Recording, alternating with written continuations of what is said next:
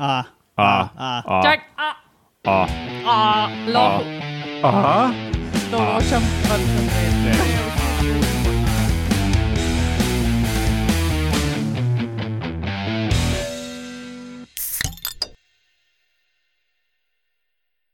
Lepo zdrav, poslušate 143. oddajo Metamorfoza, podcast o biologiji organizmov, ki vam jo kot vedno predstavimo skozi lahkoten pogovor ob pivu. Jaz sem Matjaš Gregorič in danes so z mano Alenka Rozman, Roman Luštrik, Urša Fležar in Lauro Rozman. Zdravo, folk. Hello. Ja. Živijo. Kot že po naslovu oddaje vidite, je to praznična oddaja, da bo malo drugačna, neredna. No, sicer pa eh, Metamorfoza ima svojo spletno bazno postajo na medijskem mreži Metina Lista, Em, vse ostale admin zadeve pa na koncu. Preden povemo, kaj danes delamo, povemo še, kdaj to snemamo. Na današnji dan leta 1883, se pravi pred, 100, pred natanko 137 leti, se je rodil Lawrence Monroe Klauber, ameriški herpetolog in inženir. On je bil pionir raziskovanja klopotač in je um, uporabil morfometrijo, se pravi neke meritve osebkov, morfološke meritve za določevanje vrst. In je bil tudi prvi, ki je za um, taksonomijo, se pravi za določevanje vrst pri plazilcih, uporabljal statistične metode in je gledal na vrste iz vidika populacij v naravi, ne, ne kot na osebke iz muzejskih zbirk. Zraven njega pa danes praznuje 60. rojstni dan tudi Samuel Jackson, ki je ga verjetno vsi poznamo. Samuel L. Jackson. To je pomembno zaradi kiralnosti, ker lahko bi bil Samuel R. To Jackson. je točno, Samuel. ja, ja, to je točno ta, um, ta leva, levosučna forma. To je smešno, če poznate kemijo. A to, to so te kodri, ki grejo levo ali pa desno. ali kaj? No, drugače pa tudi z zamikom ene od oddaje vmes moram omeniti dva odziva poslušalcev.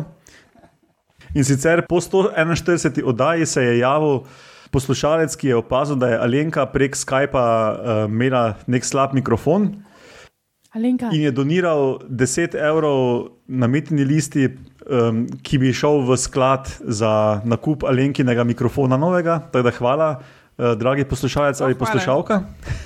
To bo v bistvu full prav prišlo, ne samo zato, ker imam jaz slab mikrofon, ampak tudi zato, ker ima živa, ki je trenutno v šoli na računalniku, mislim, ne zdaj le, ampak tako generalno.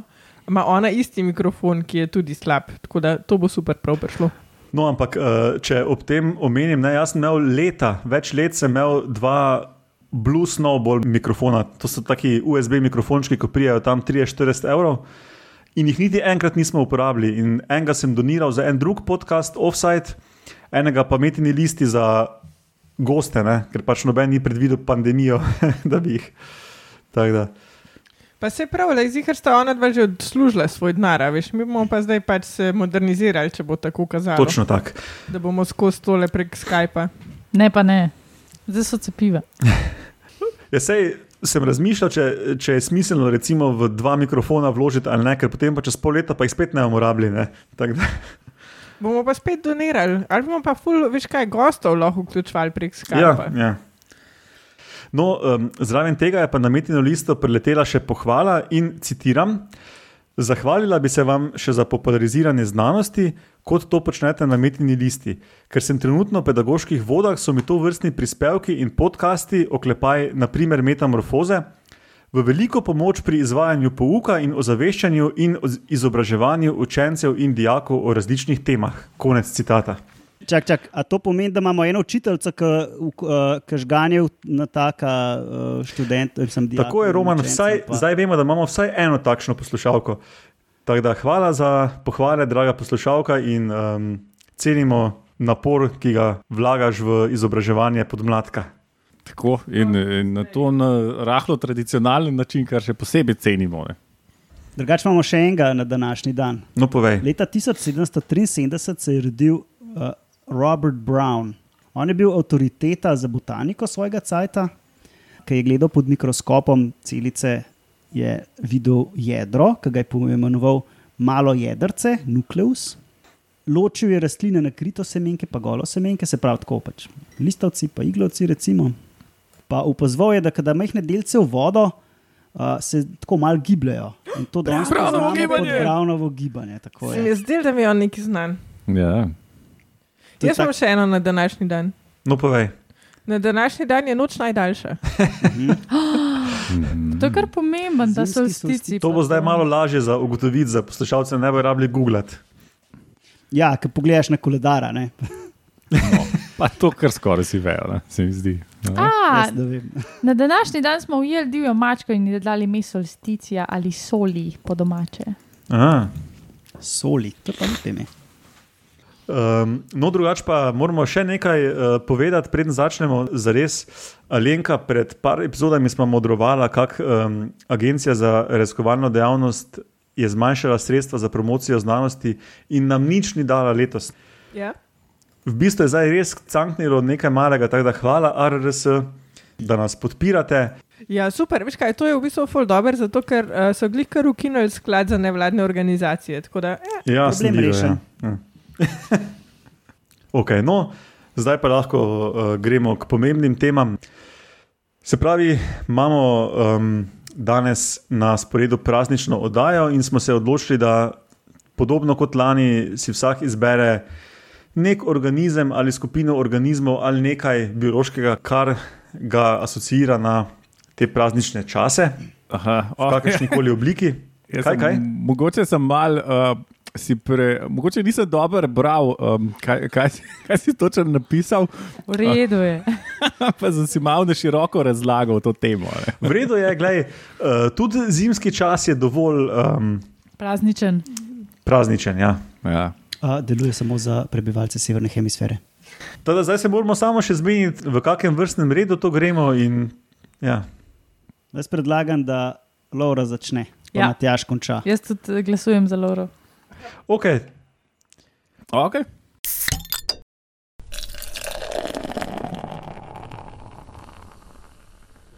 Jaz sem um, pripravil kratek prispevek o antropomorfični eh, personifikaciji zime, ne. torej snežaku. Snežak je en tak zimski pojav, se pravi, vsi, ki imajo sneg, ga delajo. Uh, Verjeten od, od tog, ki so ljudje stari, ki pač vsi imamo ne, to žilico, naredimo nekaj sebi podobnega. a Ne. A, a obstaja kakšen fosilni dokaz za te snežake? Ne, vsi so se stopili, Roman. No, v kakšni jami bi pričakoval, da je še kaj. Ja, ne, mislim. Iz leta 1380 je ena knjiga, ki pač eh, ima neke slike noter, pa ne vem, ali so jih prerisovali ali ne, iz uh, antičnih časov, neke snežake tam, pa, pa Jezus zraven. Pa tako. Eh, tako da v bistvu ne vemo čisto dobro, kako je s temi snežaki. Jaz zdaj pač sklepam, da je bilo to odskosane. Zaradi tega, ker pač je the nature of the beast, da, ta, da pač to delamo. Uh, sem pa pol malo pobrskal po zgodovini, no, kako je s temi snežaki. In pač pred uh, 1300 nekaj dost, kot omenjeno. So pa recimo 1494 najeli Mi Michelangela, da je sredi uh, uh, Firenc uh, naredil snežaka, recimo kot zanimivost. Potem, sredi Firenc. Ej, ja, tako bi- Očitno je bil sneg včasih bolj razširjen kot danes. ne? Fucking Ja. globalno segrevanje. Ja, na, uh, točno je na medičejskem durišu. Ja, pa tudi pisali, kdo je, uh, kdo je bil mecen, pa se mi ni zdel. Mogoče so pa umetno zasnežili. Nikoli ne veš. Ne? Bloody likely. Čakaj, da pove biološko ozadje zdaj. Uh, ja, no. Po- a, do, do tega pridemo kasneje.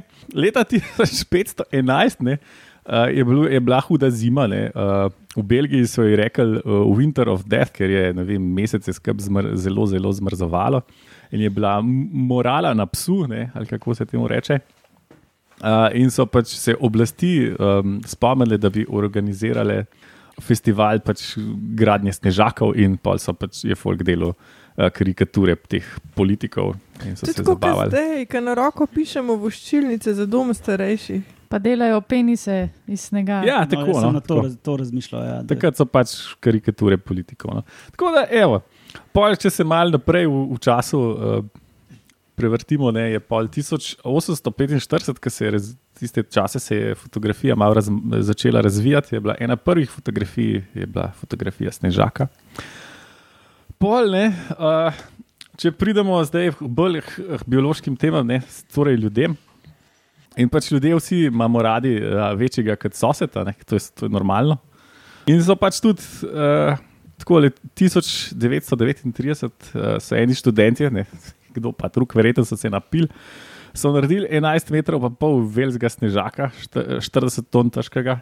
Uh, to je bil de- delež največji za tisti čas. Ne. In pol, pol pač, če gremo naprej, 1987 so v Guinnessa opisali, spet eni angliži ali pa američani, ne vem, kjer že. 14,6, pol 1999 so naredili Angusa, je 34 metrov visok, ne, ja, ta je bil že mal večji, z drevesi za roke in gumami za, za plaščke, Angus. uh, plošč, pl, um, gumbe. Angus mu je bilo ime, Angus the Mountain, neki ali kaj Mountain, karkoli že. No. 2008 so naredili, uh, pa največjega do zdaj je bil pa 37 dobrih metrov velik snežak. ne. Tako da Do, do tam smo prišli ne, s temi snežaki. Uh, to je to, ne, za, na hitro od teh snežkov. Ej, Laura, Ja. Bravo, Lauro, ne samo, da si se držal teme praznični čas, ampak tudi zadev si to biologijo. A ne? ja, zdaj, Laura, sem ugotovil, kaj si ti misliš s tem, da si si malo po svoje razlagal. Jaz sem zdaj vmes um, odprl Excel file in sem pogledal, danes si 111 zraven pri podkastu, ki se tiče biologije organizmov. pa si zgrešil organizme. Tudi snežak je organizem. Taka praznična A ja. ja. epizoda, ja. kjer, kjer smo govorili o marsičem že. Ja, ne. Meni se zdi, da je snežak primeren ogre- organizem. Drugač, uh, čistko uh, kot zanimiva zadeva. Ne? Opazili so, da otroci don danes ne, sploh ne rišejo več snežakov kot neko uno. Zdaj mi pa nariš nekaj, zdaj, kar se dogaja po zimi. Sploh ne rišejo več snežakov, tako kot smo jih mi včasih risali, ampak pač rišejo drevesa z vejami, brez listov, pa pač neke take klasične krajine, ampak sploh nimajo več te percepcije, da bi se po zimi delali Ja, snežaki. pa in tako Minecraft naprej. narišajo. Pa, pač te. Pa to, to pa je presenetljivo, še celo Borod Pahor dela snežaka. Preden se stopi. Ja. Treba delati snežaka. Ok, kdo je naslednji? Jaz. Mislim, v bistvu smo full stvari že imeli za te božično-decembrske pizdarije, zato ker je pač to že 5. december, ko mi snimamo metamorfozo. Ni več veliko stalne. Ampak je pa ostalo kuhano vino. Ja, malo ga še je. Kaj to je tudi organizem? Ne, ampak klinčki pa so, kot bistvena Aha. sestavina kuhanega vina. No, a, a veš, da sem se zglih sprašvala, kaj so klinčki, pa kaj je tudi un anis, ne? Klinčki. A bi kdo ugibal, v katero družino spadajo? Klinčki, uh, kariofilace. Ne. Um, Ne, ne pašejo med klinčnice, tako kot bi človek sklepal iz Kot imena. je roman sklepal, recimo. Ja, Kariofilace, to drugače. Ampak- stročnice. Tudi med To so zdaj vsi strošnicami. poslušalci vedeli, ja, dokler niste razložili forum. Ampak spadajo med uh, mirtace, pač neki kar Mirtace. Ja, ja, pač tako. Uh, Jaz sem to vedel. ja, si ne. Sem spadajo recimo take full aromatične rastline, tako kot klinčki so. Recimo navadna mirta ali pa bolj znan čajevec, pa tudi vseh 700 vrst evkaliptusov spadajo še sem. A, to sp- Ja. A je Ožja. vseh 700? Ja, ože žlahta. Uh, ok, drugo nenagradno vprašanje. Odkje pa prihajajo klinčki? Uh, Orient. In, Indonezija. Ja, Roman je bil veliko bliže. Uh, njihova domovina so tako imenovani začimpni otoki, oziroma Moluka, otočje Mol Moluku, ki so v bistvu direkt gor, od, direkt severno od Avstralije, oziroma na pol poti med Indonezijo in Papuo Novo Gvinejo. Mhm, Ja. Mm. Sem lahko kao nekaj um, sediram pametnega. Ja, dej, ne, Sej vedno. en mora. Moluku je v bistvu tisoče otočkov in otokov. Od Sulavezija čist na severu do ful nekih malih otočkov. In to je bil problem. Aha. Zato, ker na vseh teh otočkih raste drevo klinčki. In zato ta um, Dutch, uh, Indian, ne vem, kva že, company, company Ja. Ni mogla nikoli vzpostaviti monopoli, m, m, oh, Monopola. monopola nad uh, pač trgovino s klinčki. Ampak, Mhm. Ti bogi nizozemci, cel, celo zgodovino jih že tepajo. ja, medtem ko so pa vzpostavili monopol nad, um, nad me, kaj že to muškatnim oreščkom, ki tudi izhaja iz tam, ampak ni čisto razširjen. No, in um, jaz sem bil na Sulaveziju in Halmaheri, ne, tam na severu, in sem točno klinčke slikal, ko so jih sušili na eni cesti. Tako da lahko, lahko dam to sliko.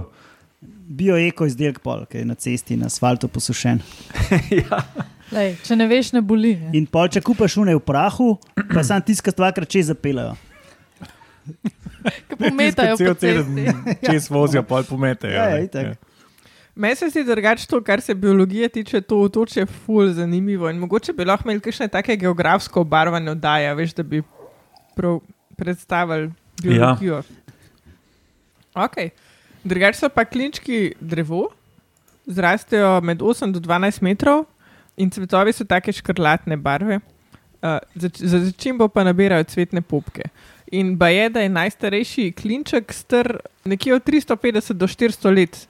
Se pravi, tako res, mislim, relativno dolgoživo drevo. No. A si že razložila, kako iz cvetov taki. To so plodovi, ki jih Popki imamo Ne, mi to v so vinu. popki, Cvetni pop. cvetni popki. To, kar imamo mi v vinu, so cvetni popki. Ja. Uša se zdaj pači um, za poslušalce. Ja, ja, cvetne popke se nabira. Jaz sem kaj pa je ta trdota, ki mislim, to je ulesenelo, ni? Pač čaša je taka mal daljša, pa očitno bolj čvrsta. A ja, čaša v bistvu pa. Ja. Okay. To je to, dvignimo čaše, pa klinčke čaše. Uporaba klinčkov je pa res tako ena zanimiva reč. No. Ja, lahko daš v belo vino, Ja, lahko daš v rdeče vino, tudi. Ali pa v lahko daš kompot. v mešano, Ja, lahko daš v belo, ki ga razrečeš z vodo, ja, lahko daš v rdeče, ki ga zmešaš z vodo. ja. Ali pa v študentsko varianto, ki ga zmešaš z vodko ali pa šnopcem, na mestu Ja. vode. Oziroma z rumom. Ja, in zato mene klinčki spominjajo na praznični čas. Ne? Ampak v bistvu so, so njihova uporaba je pa tako. Res od začetka časa. Recimo, znašla sem, da so cesari iz dinastije Han, ki so bili tako pred našim štetjem, pa tam okoli nule, pa malce čez naše štetje. Kitajci, skratka. Ja, oni so zahtevali, Kaj je izdal, da so iz Kitajske? ja, cesar Wu iz dinastije Han. Ja. Wuhan, Ja. Ja, on, je dejans, on je dejansko živel in je usvojil v bistvu tam centralno Azijo, da je pol ci- svilno pot povezal z tistim delom, ki ga je Aleksandr Veliki usvojil za Grčijo. In so se stikali, in tako, so, tako je v bistvu vzhod srečal zahod. In tako so, tako, je, tako so klinčki prišli v Rim, okrog leta nič. Ampak še predtem, Alenka je imela zadnji čas in mečko veliko časa in je mar študirala zgodovino teh svilnih poti in Ja. ja. teh stvari. No. no še predtem so pa te cesari zahtevali, da so njihovi sogovorniki žvečali klinčke, ker očitno so imeli fucking gnile zobene. No, upisal jih je tudi tester plini v prvem stoletju. In uh, kasneje so pa tudi dosegli Egipt. Um, in tukaj se moje poročilo, razen polune um, nizozemske družbe, uh, konča. Super. Roman, si ti zdaj? Ja, zdaj sem jaz. Solstici, pa zima, pa hladno okolje. a ne. Zdaj, tale moj monolog bo bolj mogoče apten za une, ki ste starejši, pa ki živite na severni polobli, ki se spomnite še snega. Roman, zdaj tako povej, da ne bojo vsi zaspali zraven. Eno šalo sem že dal, kaj hočeš še od mene. A ja, to je bila šala. Ja, pač unik ste starejši, pa se spomnite snega. a ne. Pa še v slovenščini govoriš tako, da si še zožil svoj nabor poslušalcev. Ja, pač unik trije. Um, a ne, pač, pa tisti, ki se navurfurate samo v avtu, veste, da včasih je odzun tudi mrz. a ne? In ko pade temperatura v, v okolju, uh, se telo uh, prilagodi na to, ne, načeloma. In to lahko naredi na dva načina. Eno je to, da pojača proizvodnjo energije, drugo je pa, da se pač izolira. To moje telo dela zelo dobro. No, in um, a se, a se, a mogoče le, veš, kak, na kakšen način proizvaja energijo. Aha, imaš dve variante. Eno je, da skozi mišice, skozi aktivnost, druga Ja, je pa, te- da se v mitohondrijih razklop unapot, ki dejansko proizvaja energijo, pa se proizvaja sam toplota. Ja, bravo. Piflar, Se pravi, ena opcija je, da se prek tresenja, se pravi, telo najde dve mišici, ki sta si nasprotni in začne jih izmenično drkati, in se začneš tresti. To je tisto, kar ti zobe škrebla, škreblja, šk- šk- škrebljajo. Škrepetajo. škrepetajo. Ampak načeloma pač premika mišice, ampak brez gibanja, to, da se ne premikaš, a ne, ampak sam treseš. In takrat, ko se treseš, se proizvaja toplota in tako dvigneš te- telesno temperaturo. Bajede čebele to ful delajo, da skrili ful Tudi grejo. nekateri insekti to, to delajo. Uh, čmrli, recimo, spomladi jih vidi, kako uh, tresajo zjutraj krila. Kaj pa čmrli po zim delajo? Uh, matica Kuhano se, vino pijejo. To ali pa matice se zavlečejo v kakšne rove, recimo od miši ali pa rok, in tam not prezimijo. Delovke pa umrejo. Ja, tako, samo matice preživijo. In spomladi, ko vidiš čmrle, ki letajo, so samo tako debele matice. Ta druga opcija, se pravi, net, netresalna termogeneza, ne, se pravi, proizvajanje energije brez tresanja, je pa eno to, kar je že Alenka rekla. Se pravi, da se v mitohondrijih, to so naše tovarne elektrike, proizvaja elektrika, ampak uh, celica tako naredi, da se ne proizvede elektrika, ampak se z- z- namesto tega toplota proizvede. In v bistvu je tako, kot pečico odprl, praktično. Čak, V bistvu način- tako, kot da bi upor. skozi hidroelektrarno še zmeraj turbina laufala, ampak ne, kable bi pa odklopili. Tako, in ne bi se delala elektrika, bi se pa proizvajala toplota. Dobra analogija. No, in uh, to je en način, drug način je pa, da celice imajo neke molekule energije v sebi, uh, ki se jim reče ATP, adenozin trifosfat. In lahko naredi tako, da jih sam te molekule, molekule razgradi in se sprosti toplota. Tako da to so taki trije mehanizmi, na hiter, ki ho, če se uh, hočeš segreti.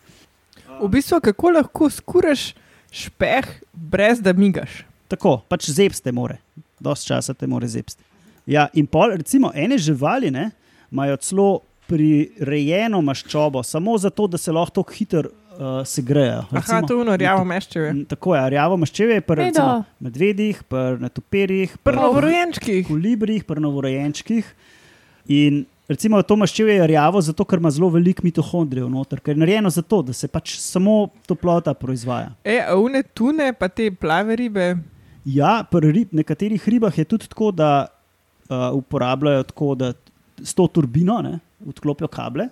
Uh, in pri teh velikih, se pravi, kakšne tune ali pa marlini, to so une uh, mečarice, tudi do 250 vatov na kilogram maščevja proizvedejo. Maščevja v vatih.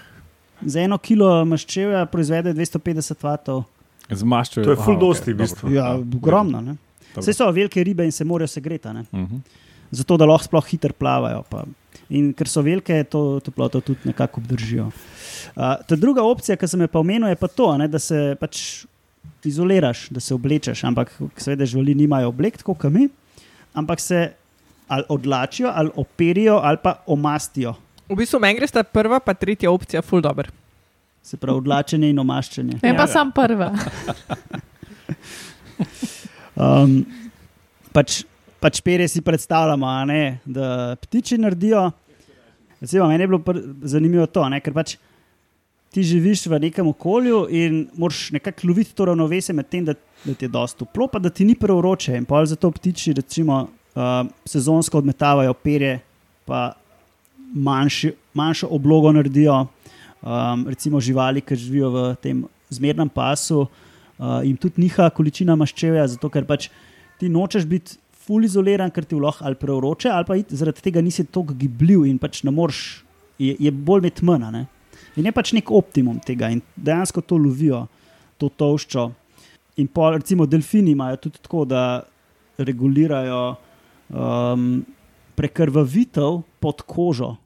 Imáš maščeve, pa imaš pa med maščevem in kožo še prav preplet uh, žil, in uh, oni to tako s, s, z živci tako, uh, zelo na fino regulirajo, koliko bo šlo krvitja noter, in s tem lahko zelo na fino regulirajo svojo tem, telesno temperaturo. Še, še, eno stvar imam. Uh, je kdo razmišljal, kdaj, zakaj recimo ptičev ali pa recimo, ne vem, kakšnih kopitarjev ne zebe v noge? Ja, v bistvu imajo tako narejen, da ko gre kri v noge dol, imajo pre, protitočni sistem žil. ne, In ko gre dol, se ohlaja, in ko pride recimo do prstov na nogi, je skoraj na temperaturi, ali pa skoraj ni, blizu ničle. Ne? Uh, in ko gre nazaj gor, se pač spet ohladi. In tako lahko v bistvu žival uh, preprečuje, da izgublja toploto. Sicer pač polka se stiska eh, z možem ali pa ženo, je malč mal, mal mrzla, ampak na rab pa pač full kurt, ker pač po zimi je to full drago. Ne.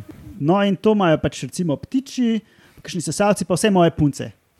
Jaz nisem tvoja punca, pa imam vse en to. Aha, no, očitno je pač nek vzorec. Mislim, da je, da je pri pr puncah to zelo eh, splošno razširjeno. Tako verjetno Edin- lahko čez na 90% plus razširiš to. Ne. Edin, ki sem bila noseča, uno zimo pa res nisem imela mrzlih nog. Ampak, Roman, ja, kako, kako se lahko kri, kar, no, razloži mi mehanizem, kako se kri lahko segreje čist zavestno in potem nazaj, pardon, shladi in potem čist nazaj Ne, se se to je zaradi, zato, ker so žile orientirane tako, da ena proti, so ena proti, se pravi, uh, ki gre kri dol, gre se hladi, zato ker je unata druga. Uh, Topla. Tak druga je topla in se ja, pre, Če imaš ti protitočen sistem, prije do večje izmenjave tako. energije. To tudi vejo pivovari, ne, ki morajo hladiti pivino, potem ko kuhajo hmelj. In potem spirala, po kateri speljajo um, vročo pivino, je protitočno hladni vodi, ki teče, in s tem na časovno enoto odvedeš več temperature tisti vroči pivini. Ne. Ja, Matjaš, spomnim No, se. zdaj razumem. Nekoč ko so to še delala. Sam v kontekst, kontekst piva je bilo treba Ja, dati, pa urša to. razumeti. Ja. Ja. To imajo recimo živali tudi v, v, v nosu, uh, imajo tako rete mirabilis, temu rečejo. Mm. Oniksa, ne? Tudi uh, gazele, uh, koze, ovce, uh, take živali. Tiste, ki živijo pač v hladnih podnebjih, zato ker pač ti hočeš minimizirati, da gre toplota ven. a ne. Uh, po, dru, po drugi Ali strani pa, ali pa privzem, ne, in- karkoli. ali pa, ali pa Ja. se izdatno hladiti s pomočjo tega. To pa regulirajo tako, da odpirajo ali pa zapirajo žile. Ja, kul, cool, ne? Evolucija dela svoje. Mhm. Če Mhm. verjameš vanjo. Ker to je stvar verjetja. Ja, ja, ja. Ali pa bog, no. ne, en, No, en dela svoj del. No. Uh, Matjaš, ti moraš biti zdaj, baje. Mislim, razen če imaš kviz, kaj jaz imam kviz, pa mislim, da je primerno, da je za na koncu. Aha, dobro, tem pa jaz. Jaz pa sem kot lani bil kar v dilemi, kaj izbrati. Če, če, kot je Alenka rekla, če smo se že o vsem pogovarjali, pa sem se pol spomnil, da nekateri pa na božična, slash novoletna drevesca obešajo angelčke. Angelfish. Ne, in sem izbral organizem, ki ima angelsko ime, in to so angelski polži, morski angeli. No, mogoče vpišite vi v Google, pa pogledajte slike Sea Angels, morski angeli. A, to so te pelagični. Ja, Gološ krgari. O, Oh. lej, So pa so lepi, so pa lepi. Ja. Ja, ja. zdaj pa še res prav Še križice ti imajo. palkice imajo. no, morski angeli, ne bi jih lahko poimenovali. Um, so majhni morski goli polži, če bo kdo googlal, to je skupina gimnosomata. Ej, koliko je to majhni? Ja, več, večinoma so ful majhni, pač milimetrskih ali centimetrskih velikosti, največji je 5 centi. Tako je, ja. limacina. To je za planktonske organizme že kar veliko. No, zakaj sem omenil to čudno latinsko ime oziroma znanstveno ime? Ker v grščini pomeni gimnos, pomeni nag in soma telo. Se pravi, lahko bi jim tudi rekel polžin nakci ali pa nudisti ali pa nekaj, ne? Naturalisti. naturalisti, recimo. Ne? Nagotelneži. Um, se pravi, so um, brez hiške. Če si zdaj poslušalci zamislite, običajne polže, ki imajo to eno veliko nogo, po kateri lezejo, ta noga je pri teh um, morskih angelih preobražena v dve krili, oziroma taki dve rokici, slash krili, s katerimi plavajo. So pa drugače tako prozornega, žel- želatinastega videza in so razširjeni po morjih celega sveta. Recimo živijo pod ledom na polarnih predeljih in tudi v tropskem morju. Ne? Um, in tukaj moram povedati, da so žlahta ene sorodne skupine, verjetno sta to sestrski skupini, se pravi najbolj žla, Se pravi, eh, žlahte svojih sorodnikov so. Tako je. Ja. Vzela si mi besede z ust, Alenka. Wow. Um, in se pravi, morski angeli so najbližja žlahta morskim metuljem. I... O, Zdaj pa, da na hitro povem, kaj so morski metulji. Pred časom smo na naši Facebook strani uh, Metamorfoza um, delili en link do teh morskih metuljev, ker so gledali, kako plavajo. Lahko tudi pišete v Google Sea Butterfly. Sem glikar in dobim Ja. čist iste slike, kot prej. Se pravi, Ne, ne, ampak Ne, pa lej, uh, ima nekaj jih je s hiško. Urša, Ja, vidiš? s hiško, ja. Ja. No, in ti imajo hiško in imajo tudi nogo preobraženo v dvoje kril, in so filtratori tudi majhni in maksimalno 5 centi, tako kot oni prejšnji morski angeli. In um, so, ti morski metulji so eni najbolj pogostih polžev na svetu. Tako je, ja, zato ker so planktonski in so povsod. In... Ja, zdaj pa, ima kdo kakšno idejo, zakaj sem sploh omenil sestrsko skupino, spravi, zakaj sploh omenjam morske metulje? Ker so Ziher- angeli. Zihar je med njimi morski hudič. E, vidiš, Alenka, bravo. Ker ko sem, ker ko sem to razlagal um, Šakiri včeraj, ko sem bral o teh morskih angelih, ne, Which level advanced, ne? je Šakirin, Šakirin odziv bil, da to niso sea angels, to so angels of death. Zdaj pa zakaj? Uh, A so strupeni? Omenil sem, morski metulji so filtratorji, morski angeli so pa plenilci. Mhm. In večina vrst morskih angelov je menda specializiranih na določene vrste morskih metuljev. Oh. Se pravi, imamo dve, dve skupini, ki sta sorodni in sta v koevoluciji, v neki tej kompeticiji, plen plenilec. Ne? In um, morski angeli so hitrejši plavalci kot morski metulji, in kar dosti vrst morskih angelov aktivno zasleduje plen in jih pač na ta način pokončajo, medtem ko nekatere druge pa recimo nastavljajo pasti iz sluza, da se potem ti morski metulji noter vlovijo in jih potem pokončajo. Ne? Lej, tudi delo Angela smrti je delo, nekdo ga mora. Ja, ja. Ja. Sej, Ne moreš biti zdaj tle zbečen, pa moralen. Ne. Če slačen, In- ni morale. Ti morski angeli imajo, kot običajni polži, imajo tisto radolo, uh, po naše strgačo, se pravi, neke zobce in kaveljčke, s katerimi strgajo. Imajo pa tudi tentakle, ki imajo včasih priseske, s katerimi zagrabijo te morske metulje in potem jih, in jih Ga požrejo. Po, ne, in postrga pri golem telesu, v živem telesu. Postrgajo pri golem telesu njihovo mehko tkivo. Ja. Ja, Zdaj si, me, zdaj si me spomnil na uno epizodo, kjer je Urša razlagala o, o polžih, ki se hranijo na ptičjih mladičih in jih strgajo s to radolo pri živem telesu. To je v bistvu, ki bi ga na ribežen, ne. Prav počasna ribežena, veš. No, in um, so tudi gledali koevolucijske trende ne, in so ugotovili, da res gre za neko, za neko to oboroževalno bitko med plenilci, morskimi angeli in plenom morskimi metulji, ne, da se ful um, poklapajo plen in plenilec po velikosti, stopni metabolizma, načinu lova, razširjenosti po planetu in tak ne. Tako da, kulno. Matjaš, I lost ja. you at morski. To sem zaradi šnopca Urša, vse drugače v redu. No, drugače pa, ko mi je Šakira rekla Angel of Death, sem se pa sam seveda spomnil na komat s tem imenom uh, enega mojih najljubših bendov Slayer. Ne vem, če ga poznate, Poznamo. ampak lahko damo par sekund uh, tukaj noter, mogoče. A tu melješ kavo? Ali smuti? Ne, rubide so noter, za jutr zjutraj bo. Slišal se je, kaj je en, en star golf, ki žlajfa. Uh, drugače je ta bend uh, drugič že omenjen v zgodovini podcasta. Vsaj. Šele. vsaj. Možno, ja, možno. največkrat do zdaj omenjen pod, uh, bend. Meni se zdi, da ga je večkrat že omenil. Mislim, da smo res dali enkrat nekaj v Ja, eno špico celo. Chemical Warfare. A, vidite, Roman je tudi izobražen. Mislim, pa zapomnil sem si, to je bolj Celo pomembno. to. Bravo, Roman. Ok, Urša. Kviz bo šel o božičnem drevescu, po domače Ilex aquifolium ali po angliško, ki je skoraj po domače Holly, po slovensko pa bodika. To ni lobodika, katero A ja. ja. ste navajeni v, na primorskem, v obaljni regiji. Ki se po angliško imenuje brum, kot Ja. metla. Ja, zato ker Hrvati dejansko, mislim, da, da, da, jaz drugače opazujem in občudujem Hrvate ob obali, posebej v Istri, ki imajo vse metle, te uradni smetari imajo vse metle narejene iz te lobodike, zato ker je res očitno hardcore zadeva, ki se je nedavno. Pri nas so pa iz, iz breze delali te metle. No, ne vem. Ja. Ja, Matjaž? Urša, se pravi, jaz sem do tega trenutka bil prepričan, da božično drevesce so jelke pa smreke, ampak to je. To ni. Matjaž, Minus Zgubo boš, pika za zgubo Matjaža. boš kvic, minus kvic, minus uh, 75, ajde, dajmo. minus Nula, 75 sedem, pik za Matjaž. No, daj pet. začni že enkrat, Urša. Se je že začela, že vsi trije imamo minus pike, razen na linke, pa urše.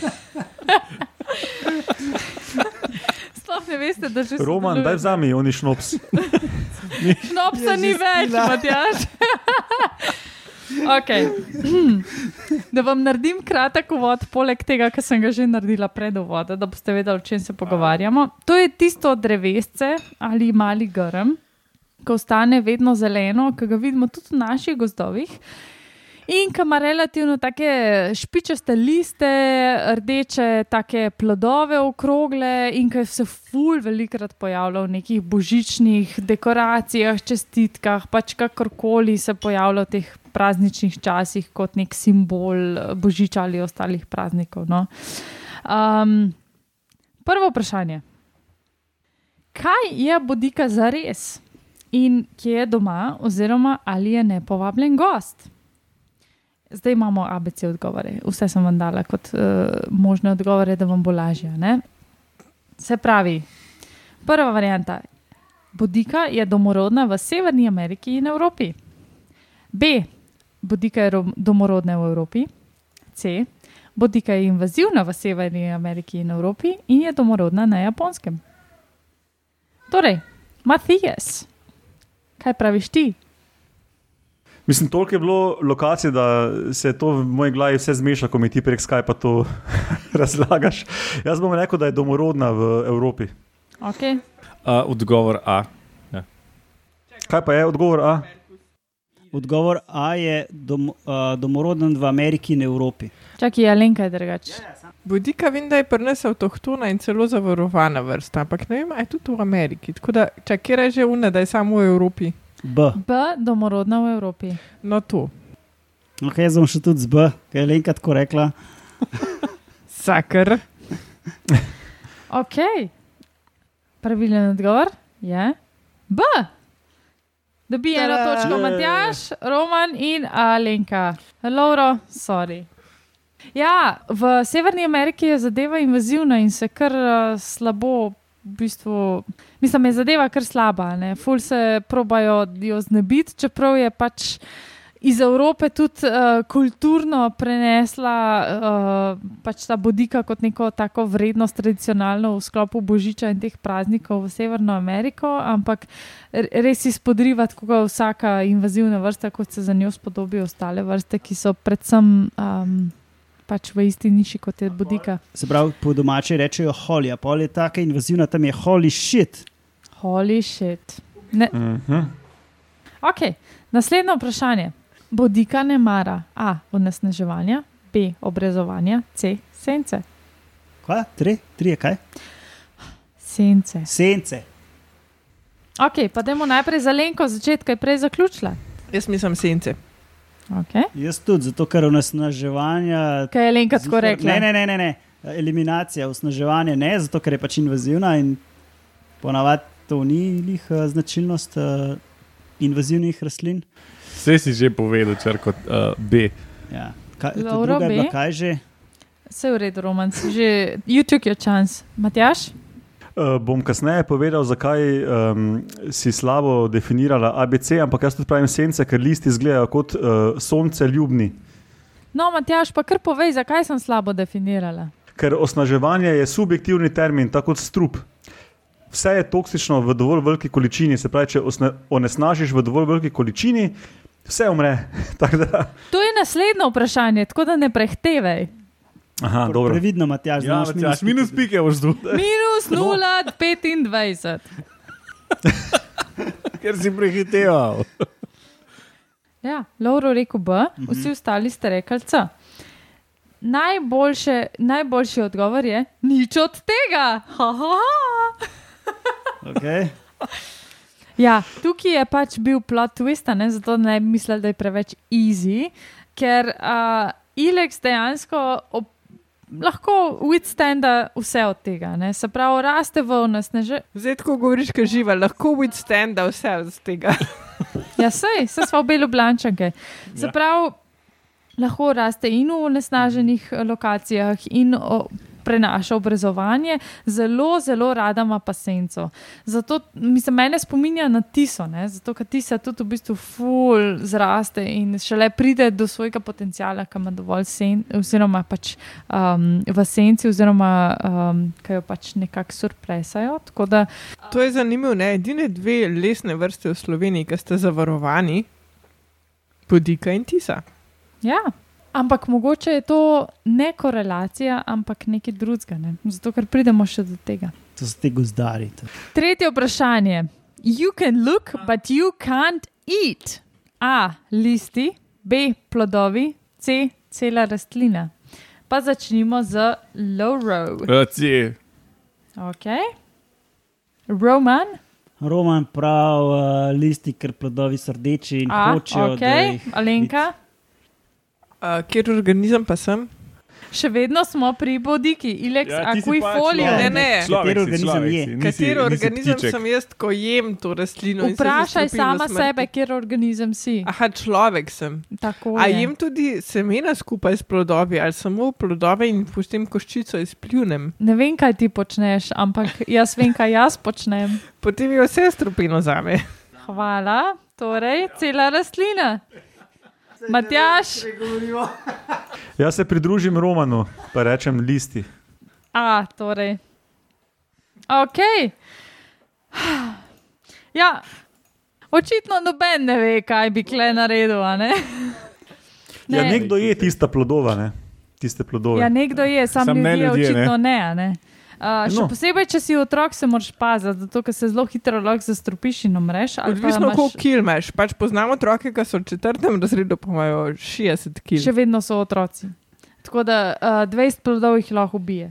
Ampak uh, listi, na primer, imajo pa zelo dobro dokumentirane zdravilne um, učinkovine, oziroma so zdravilni. Uh, predvsem so diuretiki, zmanjšujejo vročino, zapirajo pač pore v koži. Baje zelo pomagajo pri malariji, seveda v prevelikih količinah so lahko strupane, ampak to mora biti pač res velike količine. 19 ali več. Uh, Listov. V tem primeru, Plodov. ja, v tem primeru je pravilen odgovor B, se pravi, nihče, Nihče. ni pravilno odgovoril na to vprašanje. Meni je zelo žal. Četrto vprašanje v kvizu o bodiki. Bodika bode ker. A. S tem odganja velike rastlinojede. B. S tem odganja listojede žuželke. C. S tem bolje prenaša mraz in zimske padavine. A, A. A. A. Čak, a, A. a, lahko. Aha, določam vrsten red. Ne. Ne, vsi A. odgovorimo A. Vsi A, ok. Ja, odvisno. a Ne?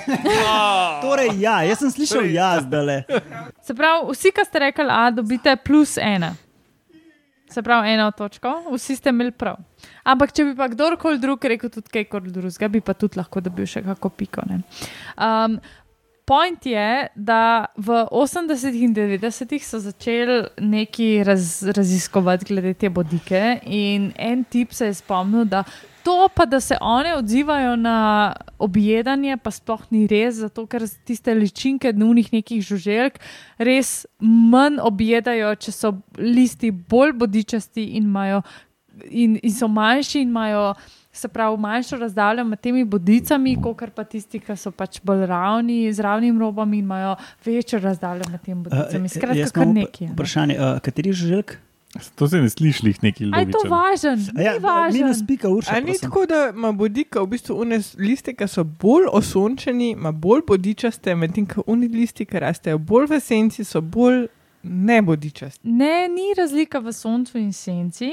Um, to hočem zdaj povedati. Ne? Zato ste vsi dobili plus ena piko, zato ker pred kratkim in sicer leta 2000 neki, nisem si zapisala, so pa naredili, ampak to je pomembno zdaj, to je pomembno zdaj, ker so naredili en eksperimentalen pristop k temu vprašanju. Se pravi, preverili so eksperimentalno, ali je. Um, bodičo, bodičastost listov drugačna v primeru, če so drevesa objedena in do katere mere, se pravi, do katere višine, ali pač ne. Ne, se pravi, Ne, tam, bodičastost listov ima veze z osončenostjo. Ne, nima.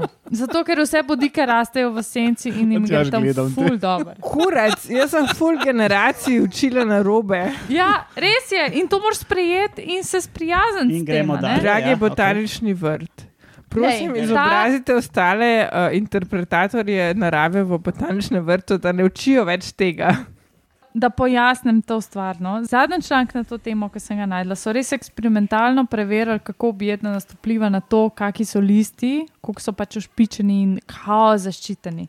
In so ugotovili, da če jelenjat objeda bodiko, potem se bojo veje podaljševale in listi bojo postajali manjši in bolj bodeči. In to so pač čist eksperimentalno in statistično potrdili. Kaj pred desetletji je imel nekdo hipotezo, da bodice um, odvrnejo neke insekte, da to jejo? Pred eh, letom 1980 neki je nekdo poskušal dokazati, da so te spremembe v fenotipih listov uh, bodike odvisne od tega, kako žuželke objedajo te liste. Ampak pač potem je bilo dovolj člankov, še posebej pa ta najbolj recenten, ki sem ga glihar opisala, dovolj močni, da so pokazali na ta prav način, se pravi na nek eksperimentalen način, da je temu drugače. ne. Um, definitivno pa mislim, da bi pač mogel se še kdo tega lotiti in preveriti, mogoče še ali v drugačnih okoljih, ali pač na drugačen način, in da bi pač lahko neke generalne zaključke iz tega potegnili. Vse to je drugače čist mogoče. Ne? Da, če narediš študijo, ki ima premalo podatkov, hitro lahko pač ugotoviš nekaj, kar ni nujno res. Ja, lej, to se skozi dogaja v znanosti, ker pač ne moreš velikega noja, velikega števila ponovitev dobiti.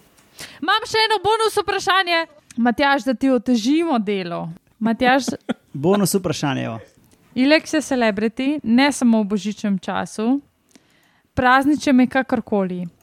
Les od Ilexa je bil uporabljen za A.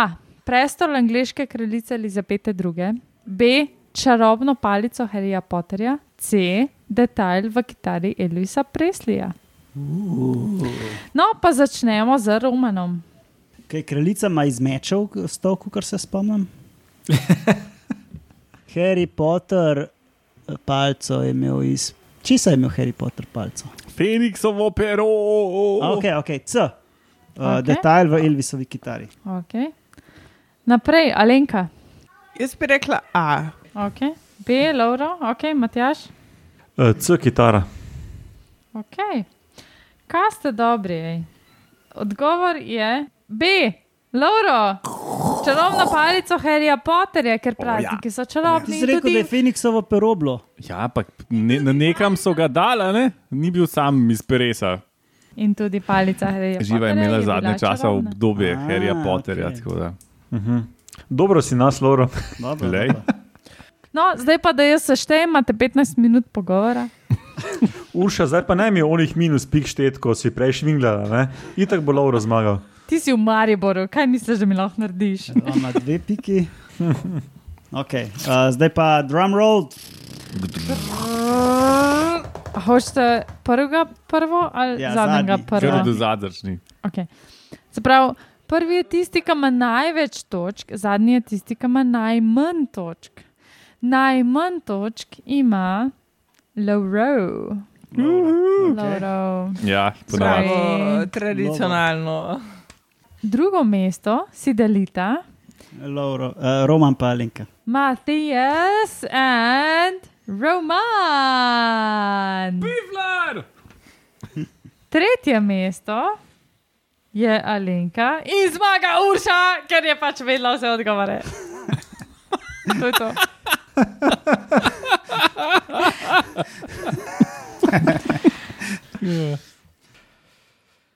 Pol pa zaključimo s tem malce nenavadnim kvizom. To je bila ta 143. oddaja Metamorfoza. Kot rečeno, Metamorfoza ima svojo bazno oddajo na medijskem mreži Metina Lista.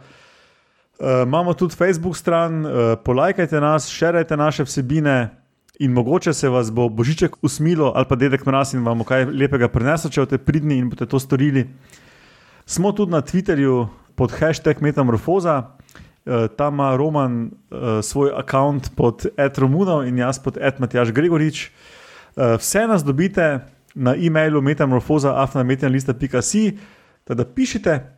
Ja, tudi donirate lahko. In hvala poslušalcem za poslušanje in vam štirim za sodelovanje, in se slišimo prihodnjič. Ajde. Pa, pa!